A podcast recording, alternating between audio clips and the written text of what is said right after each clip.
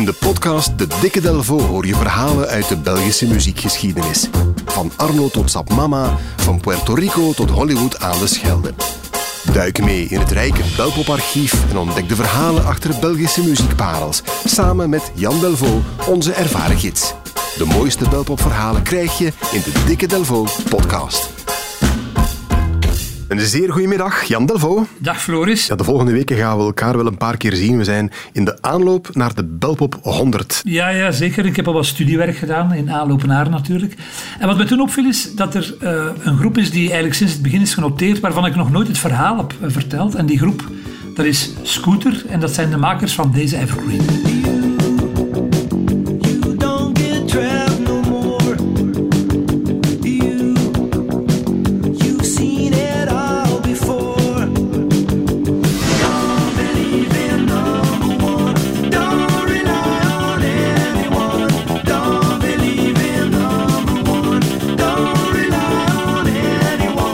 Heeft volgens mij inderdaad al elk jaar in de lijst gestaan. You van Scooter. Ook zo'n groep waarvan je maar één nummer kent, buiten de kenners dan. Hè? Dus, uh, ja. Ja, 40 kaarsen trouwens, want uh, dit jaar, uh, 2021, wordt You van Scooter 40 jaar oud en nog steeds onverslijdbaar.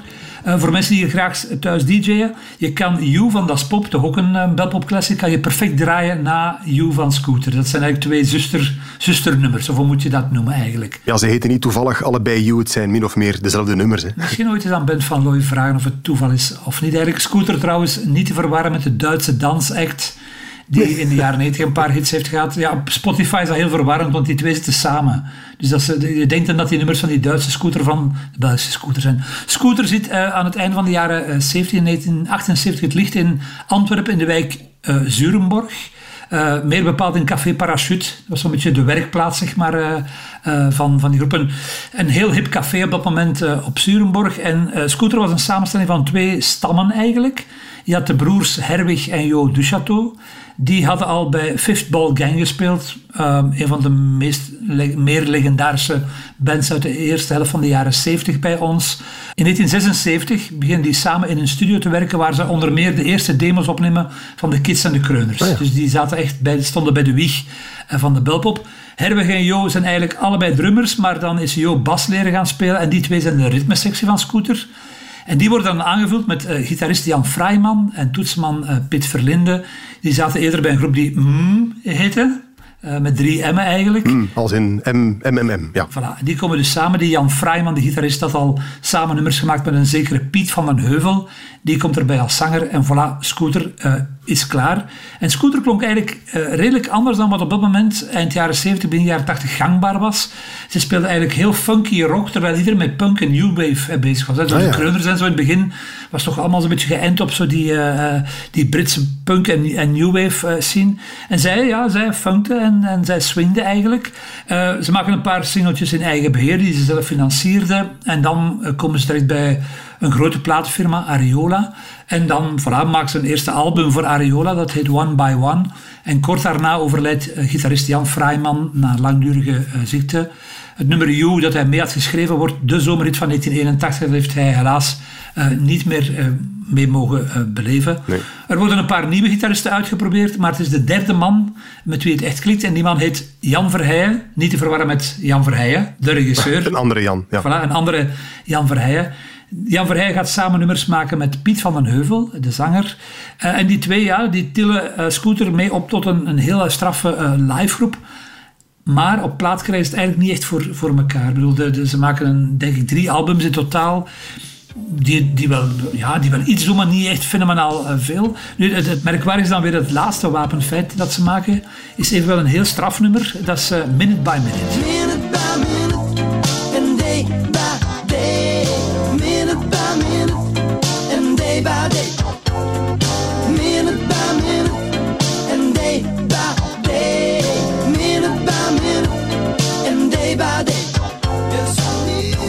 By Minute van Scooter.